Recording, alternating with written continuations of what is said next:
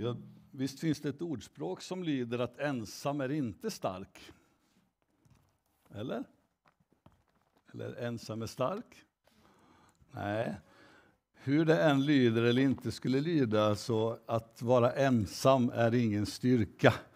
Utan vi behöver varandra, eller hur? Eh, uh, Annette, eh, hon ville inte egentligen att vi skulle nämnt allt det här vi nämnde idag. Men jag tycker det är så fantastiskt att bara berätta vad som görs. Det är så många saker som görs och ni som sitter här, de flesta av er är engagerade i en mängd olika grejer. Eh, Lars Bromo han lämnade ett uppdrag här vid årsmötet där han i många, många, många år hade gjort inköp till församlingen. Tack för det Lars! Många här de leder grupper av olika slag och det är styrelsearbete och det är eh, smågrupper, det är barnen lägger ner timmar i förberedelse och, och kämpar på med det. Andra de jobbar med ungdomarna. Några städar febrilt, många gör fika. Eh, mötesvärdar och hälsar välkomna. Tekniken lägger ner massor med timmar. Ja, listan kan göras lång med förberedelser. De som äh, leder lovsång, det är mycket förberedelse och tid i det också.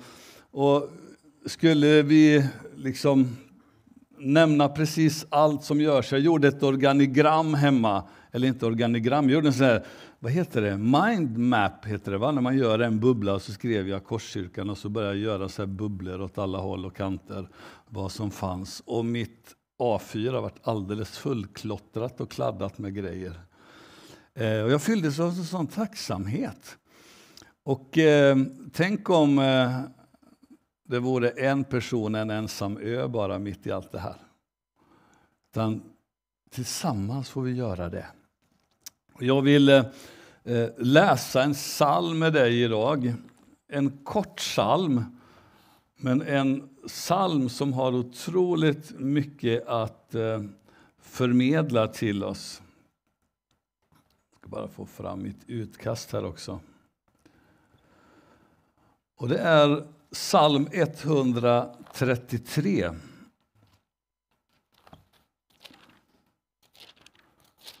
Och har du din bibel med dig får du hemskt gärna slå upp den. Det kan vara så att det finns någon bibel framför dig i någon bänk också. Så Gamla testamentet, någonstans i mitten på bibeln, så hittar du psalmerna.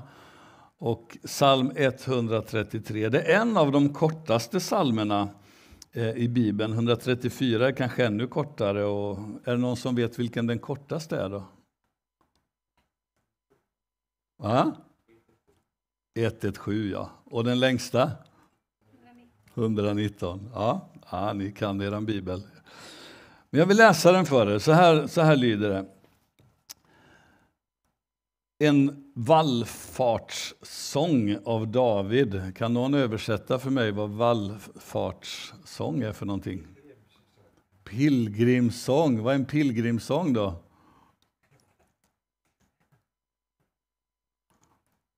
Ingen som kan översätta för en yngre generation, inte för att jag är ung, men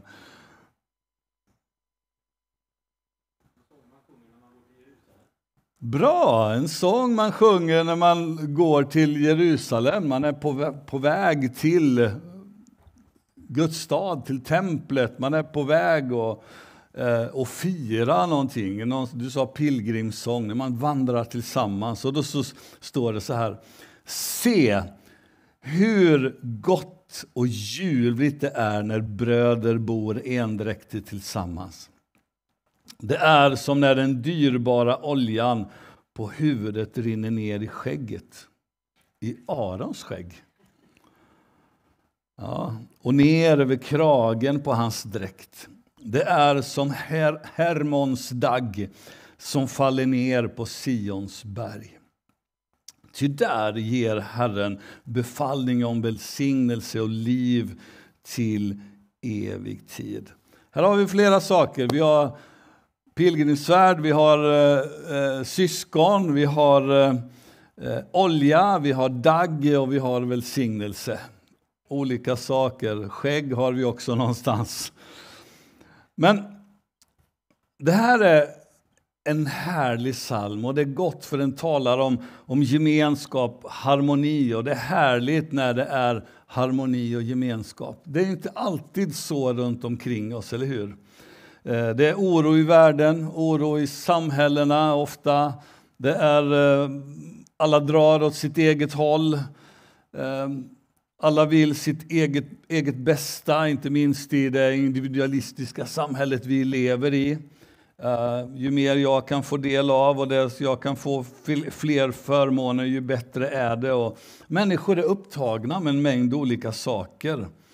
Uh, så tanken om enhet och gemenskap kommer uh, från våra, vårt hjärtas inre. Vi längtar efter det egentligen att vara tillsammans. Vi längtar efter att mötas, vi längtar efter att ha gemenskap. Under de här två åren som ligger bakom oss, pandemiåren, förhoppningsvis är de bakom oss, så pratar man om olika sociala bubblor. Eh, man talade om olika typer av gemenskaper och hur man, vem man skulle kunna vara tillsammans med. Och man försökte allt för att liksom få människor att inte träffas. Därför att det finns ju inbyggt i våra liv, i hela vår varelse, att ha gemenskap. Och eh, den här salmen, man vet inte riktigt när den är skriven. Om den skrevs eh, när David blev kung. Han fick ju ärva ett splittrat rike, men Gud gav honom sen ett enat rike. Man kan läsa om det, vad kung David fick göra. Och han kan mycket väl ha börjat skri eh, skrivit det här när han började regera i Jerusalem. Och, eh, men andra tror att salmen skrevs efter det att nationen samlats till en av sina årliga högtider. Varje år samlades Israel för att fyra eh, högtider. Påsk, pingst, lövhyddohögtiden. Och när David ser glädjen i det, när familjer tillsammans, för det var så man reste och vandrade familjevis och inte då bara mamma, pappa, barn, utan familj. Jag tänker lite grann Afrikafamilj, ni vet. Vem är det där? Jo, det är min kusin, säger de. Alla är kusiner med alla känns det som i många länder. Men familj. Man brukar resa tillsammans och när David ser glädjen och friden i varje ansikte så skriver han den här salmen för att fånga det ögonblicket. Och när firandet var över så hade man pilgrimsfärd, eller på att säga, men man gick hem också lika glad över det som hade hänt. Och den här salmen beskriver först och främst att den här gemenskapen är ju inte en gemenskap bara eh, hur som helst, utan det är en, en, någonting man har gemensamt och det är hur ljuvligt, hur gott och ljuvligt är det när bröder, när bröder bor endräktigt tillsammans, står det. Och en del irriterar sig över att Bibeln talar om i, i maskulint när den skriver så här. Men grundordet är faktiskt när syskon samlas. Och du och jag är ju syskon, eller hur? Fast vi ser lite olika ut, annorlunda ut, kommer från olika bakgrunder. Men vi är syskon. Och det är något speciellt att ha blodsband med Gud själv, att vara ett Guds barn. Vet när du reser någonstans, var det än är, över det här landet eller den här världen och så träffar du ett trossyskon. Det händer någonting i hjärtat. Har du varit med om det? Du kan titta på en person och så undrar du, undrar om inte den där personen är en kristen. Har du varit med om det någon gång? Ja? Det, det är speciellt. Och därför att det finns en, en hjärtekommunikation, en hjärteconnection. Och eh, i det här syskonskapet så går David vidare med två bilder för att beskriva enheten i Gud och vad det gör. Den första är den ljuvliga doften från den här smörjelseoljan som hälls över huvudet. Läser man i Andra Mosebok, det 30 kapitlet, så finns det där en väldigt, väldigt noggrann beskrivning av hur smörjelseoljan skulle göras. Vilka ingredienser det skulle vara med och att ingen skulle få göra den oljan på det sättet till något annat, utan den där oljan var, som Bibeln beskriver, för helig. Och helig, det betyder inte att sväva på ett moln, utan helig betyder inte att vara avskild för en specifik sak. Jag brukar säga, jag har sagt det några gånger, det är intressant att i Bibeln kan till och med en spade vara helig. Så om du har problem med att, någon, att säga eller tycka att du är helig, nej men jag är inte helig, så säger jag jo, om du är, om du är frälst, friköpt genom Lammets blod, om du har tagit emot Jesus, så har du faktiskt tagits utifrån mörkret in i hans underbara ljus och du är avskild till ett speciellt syfte. Att, att vara Guds och tjäna honom och vara inför hans ansikte. Du är helig. Är du med? Vart är jag nu någonstans? Jo, oljan. Oljan den var väldigt speciell olja. För den oljan användes, använde man för att smörja eh, översteprästen och prästerna till tjänst för att avskilja dem just in i det här. Och, eh, och bilden är att, att när när vi är tillsammans, då är det som när oljan rinner ner för huvudet och ner i skägget. Jag tänkte på det idag på morgonen när jag höll på och smorde mig med skäggolja. Men det står att det, det rinner ner över och inte vilket skägg som helst, utan Arons skägg. Och vem är Aron? Jo, han var översteprästen.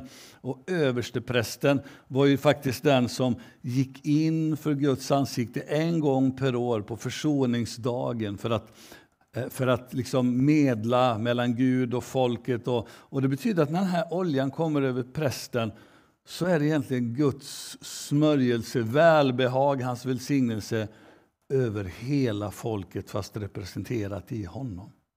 När folket är tillsammans. Är ni med? Så det är den ena bilden, när oljan rinner ner för Arons, Arons skägg och den här väldoften som kommer fram utifrån det, därför att det var härliga kryddor i det. Den andra bilden eh, jämför Guds välsignelse, välbehag och favör med Hermons dagg som faller över Sions berg. Och den kanske behövs ännu mer förklaring. Jag har faktiskt aldrig varit i Israel, skulle vilja åka dit någon gång i alla fall. Eh, men jag läste på lite. Och eh, det är så här att vatten är ju väldigt viktigt i den här regionen. Och regnet gav ju friskt vatten till att dricka snarare än det gamla sparade vattnet i cisterner. Eh, men Hermonbergen de är höga, de är eh, två, drygt 2000 meter höga och ibland snötäckta. Och eh, när vinden kommer mot dem så faller också dagg. Och det ger både en visuell uppfriskning men en uppfriskning till folket och till grödan så att det kan finnas, få vara en, en växt. Inte bara regnet som ger vatten att dricka men även den här fukten som, som är viktig för växtligheten. Och då talar vi i Gamla testamentets tid. Och David han kopplar ihop det här med Hermons dagg, med daggen som faller på Sions berg. Och Hermons berg ger alltså vatten att dricka och bevattnar grödorna. Men berget Sion, det ger tröst till oroliga hjärtan. Låt oss gå upp till Sion, till det heliga berget. Låt oss få möta Gud. Två olika berg med olika betydelser men som båda säger någonting in i våra liv. Så Gud han kallar oss att ta emot en andlig förfriskning. Det, det, därför att det finns en törst som ingen eller inget kan släcka utom Guds närvaro, Guds hjärta, Guds, Guds kärlek, det Gud kan göra i ditt och mitt liv. Augustin, en av, av kyrkofäderna, han talar om denna andliga törst. Han säger att själen är alltid rastlös tills den finner vila eller sin vila i Gud. Och David skriver ju en psalm med de orden att eh, min själ törstar i ett torrt land utan vatten. Så som hjorten längtar efter vatten, så längtar jag efter dig. Och Det här för oss att ansluta oss just till en pilgrimsvandring in i Guds närvaro, där du och jag tillsammans får liksom koppla på och kom, oss, kom, låt oss gå in för Gud tillsammans för att bli förfriskade, få uppleva det här som salmisten beskriver. Och Det är någonting som du och jag behöver i vår dagliga vandring. När vi ser till Gamla testamentets tid så gick ju folket upp till sina högtider och fester, firar i Jerusalem. De var glada, sen går de hem, de är glada. Men så möts, möter ju vardagen dem igen, vilket inte den kanske gör med dig. Och så går det en tid och så kommer de tillbaka till firandet igen, blir förfriskade, får liksom bara få uppleva fräschhet i Gud och glädjas tillsammans. Och, och sen blir det vardag igen och så håller de på så här. Jag, jag tycker det låter ganska bekant. Men det här är, vi lever ju två paralleller. Det ena är att Jesus säger att den som tror på mig, från hans innersta kommer det strömma strömmar av levande vatten. Och det sa han om den helige Ande som ännu inte hade blivit utgjuten. Johannes 7 säger han det. Så du och jag kan ju hämta friskt vatten ifrån Gud jämt varje dag var vi än är. Sitter du i en bil och kör så kan du bara oh, be till Gud. Är du hemma och diskar så kan du be till Gud och vara inför honom. Ligger du på din säng, i din säng på kvällen och ska sova eller när du slår upp dina ögon så kan du bara tala med Gud. Eller var du än är, när du sitter och jobbar och bläddrar i dina siffror eller bygger med din maskin, vad du än jobbar med. Eller om ah, passa barn eller whatever, så kan du bara umgås med Gud därför att han är där. Men samtidigt så finns det någonting i gemenskapen, att vara tillsammans som stärker dig och mig, ger dig och mig styrka.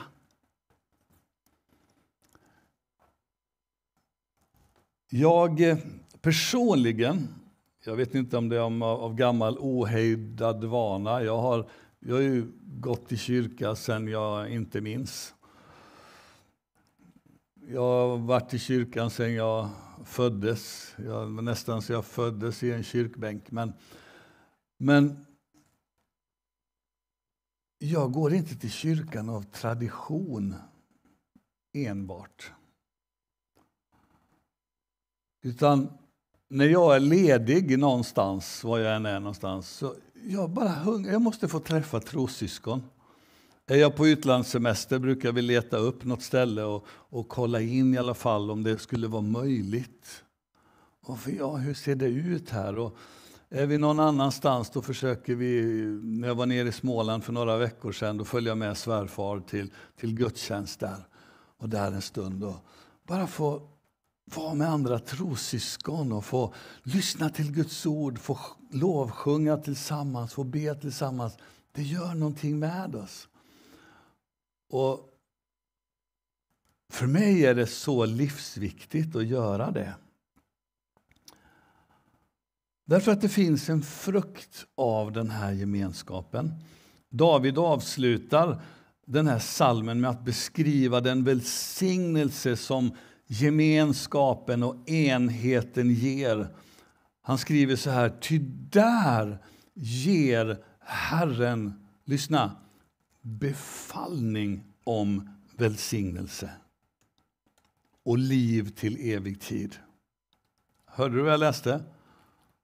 Där ger Herren befallning om välsignelse och liv till evig tid.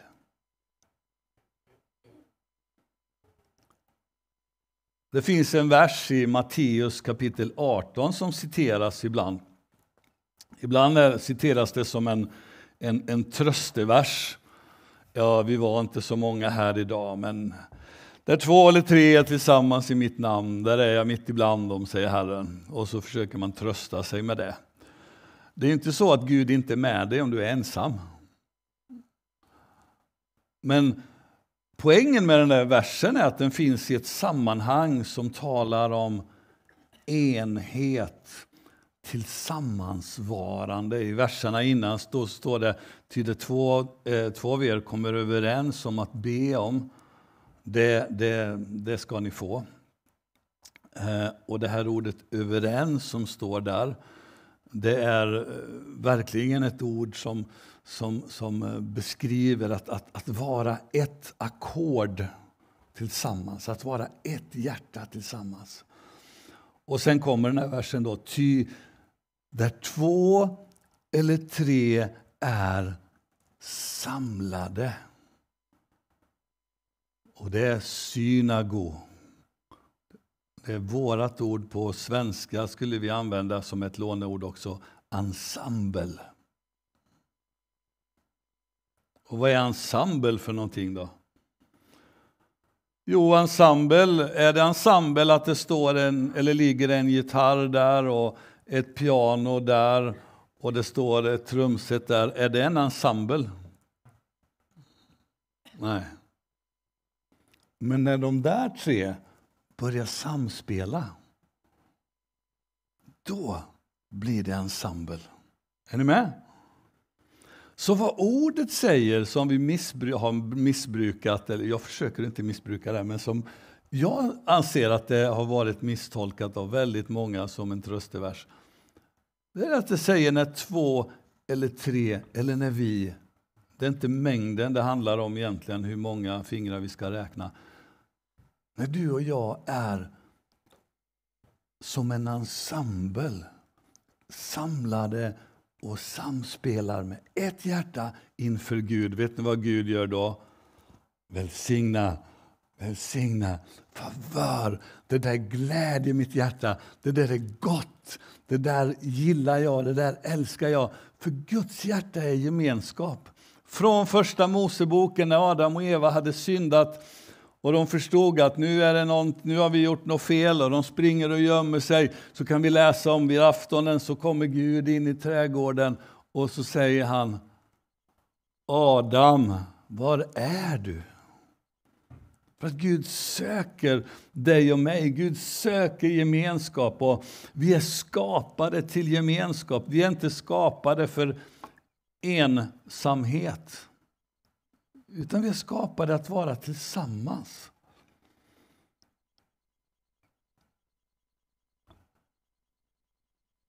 Guds hjärta älskar enhet, Guds hjärta älskar ensemble, Guds hjärta älskar när du och jag är tillsammans.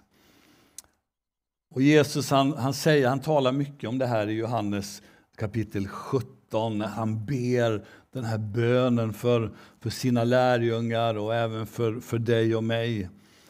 I vers 11 så står det så här. Helige Fader, bevara i ditt namn dem du har gett mig. För att de ska vara, vad då för någonting? Ett. Och när man är ett, vad är man då för någonting? Kom igen, come on church, säger de ibland på några ställen. Ja, när man är ett, vad är man då?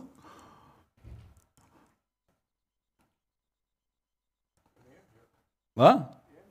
enhet, en helhet, eller hur? Man kompletterar varandra.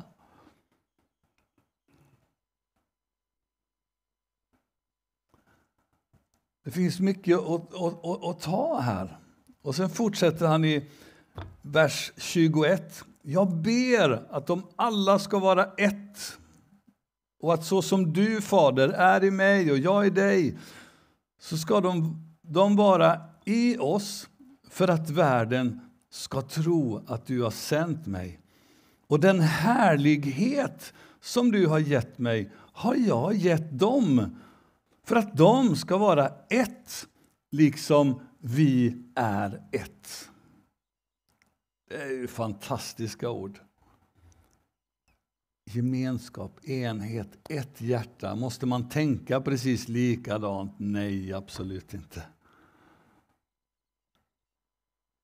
Men det hjärtat är ett. Vi går tillsammans.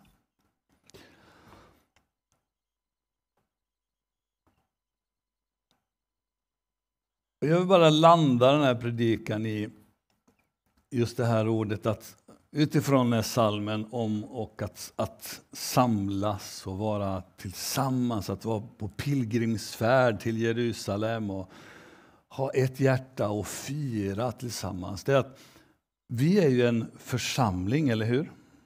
Det är ett ganska intressant ord.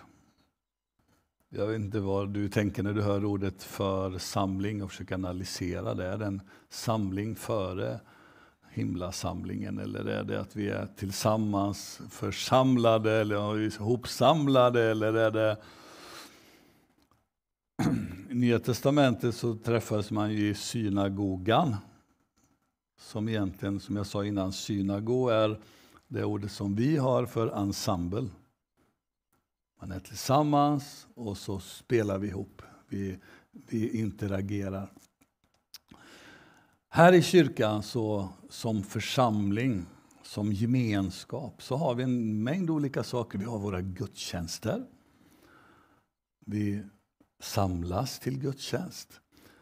Vi har samlingar för barn, vi har samlingar för för uh, vi läser Bibeln på onsdagarna varannan vecka med Urban Wik. och vi, vi har alfakurs där vi samlas. Vi har uh, bönesamlingar, vi har barnen som samlas, söndagsskolan och ungdomarna. Ja, det finns en mång, mängd olika samlingar. Men vi har en programförklaring. Nu fick jag inte med den bilden, men vi har en programförklaring som gjordes för ett antal år sedan. Eh, det var när Fredrik och Erika Lagerström var pastorspar här. Jag tror att de som var ordförande också, de hade med ett finger där. Och då så gjorde man en programförklaring som jag tjatade mig igenom för några år sedan. Och det, här, det lyder så här, kan ni den? Ni får stava med med mig, högt eller lågt. Men så här, vi vill vara en församling. Det är alltså ett anagram då som är församling. Ja, det finns bakom mig. Ja, du ser. Vi vill vara en församling som betonar Anden och Andens gåvor och som är missionerande i Sverige och ut i världen. Vi vill vara en inbjudande och öppen gemenskap som lever i vad då för någonting? Livsnära smågrupper. Allt detta för att ära Jesus. Och vad är då en livsnära smågrupp? Jo, den, det är en grupp, förenklat är det en mindre samling där människor träffas Och i den där mindre samlingen så kan man dela livet med varandra. Eh, de flesta av de här grupperna består i alla fall i att man har någon slags förtäring, fika, antingen så dricker man vatten eller så är det en bankett. Det beror, varierar, allt däremellan. Eh, jag förordar en enkel samling med något väldigt enkelt. Eh, men man äter någonting tillsammans, bara fikar och sen så antingen så läser man ett bibelord eller talar om något ämne, bara delar om ett ämne som, som ligger liksom högt upp på, på någon slags prioritering. Och sen ber man tillsammans. Men det som är styrkan i en sån samling tycker jag, det är just att man kan dela livet. Och vi har haft många sådana grupper i församlingen. Vi hade, jag tror att som mest hade vi 12 eller 14 grupper samtidigt för en sju år sedan kanske. Eh, och sen eh, så eh, har, har det hänt olika saker. Flera grupper har fejdat ut. Idag så är det, jag tror det är fyra grupper som är igång kontinuerligt. Och vi skulle vilja ta ett omtag med det. Därför att vi, vi sa för ett antal år sedan, och jag tror att vi håller, du kan låta den bilden vara kvar där Urban. Vi sa för några när den här gjordes att det här är någonting som vi vill ha som en programförklaring och att vi ska spegla oss gentemot det här gång efter annan. Är det det här, lev, se försam, eftersom vi har sagt det här vill vi vara, så vill vi givetvis efterleva det vi säger att vi vill vara. Eller hur? Annars får vi skriva om den där och göra någonting annat. Och, eh, vi har pratat om det här i församlingsledningen och sagt att vi vill göra ett omtag just när det gäller smågrupperna. Det är inte så att alla är tvungna att vara med i en grupp, men vi skulle vilja skapa möjlighet till olika grupper. Oavsett om det är geografiskt eller vad man står i för livssituation eller om det är olika tider eller åldrar eller vad det nu än är för någonting. Men olika. Så vi kommer på sikt skicka ut en enkät som alla kommer att få. Där du får svara och där du får säga så här, jo men eh, jag skulle jättegärna vilja vara med eller nej, och kanske eller nej, jag vill inte vara med. Eh, alldeles för scary. Eh, eller jag har inte tid. Eller vad det nu är för någonting. Och så får du ge lite tips på vad du tycker och tänker. Men jag tror, jag tror att som nu idag här till exempel, jag har ju ställt lite frågor så här till er. Och någon har svarat frimodigt. Många har dragit på mungipan, någon har vridit på sig, någon skulle vilja svara. Vet, det här är ett svårt forum för oss att kunna samtala, dela livet och växa tillsammans inför Gud. Är ni med? Men i de här smågrupperna, då kan man faktiskt dela svårigheter med varandra. Det här står jag i, snälla be för mig. Och så kan man följas åt tillsammans i det man står i beroende på hur mycket man vill öppna upp eller inte. Och jag, jag eh, för mig har det varit en prioritering under alla de här åren att försöka finnas i en liten grupp och delta i den gruppen så mycket som möjligt. Under pandemitiden då körde vi i vår grupp via Messenger många gånger. Bara ringde upp varandra och så pratade vi 20 minuter kanske, kolla läget, bad en kort bön tillsammans och bara behöll den här, det här flowet i det. Och jag tror det finns en oerhörd styrka i det. Jag vill läsa den här salmen igen och avsluta på det sättet.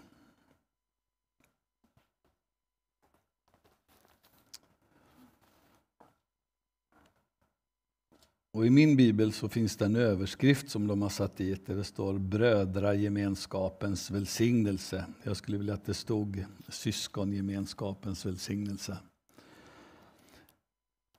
En vallfartssång av David. Se hur gott och ljuvligt det är när bröder bor endräktigt tillsammans. Det är som när den dyrbara oljan på huvudet rinner ner i skägget, i Arons skägg och ner över kragen på hans dräkt. Det är som Hermons dagg som faller ner på Sionsberg. Ty där ger Herren befallning om välsignelse, om liv till evig tid.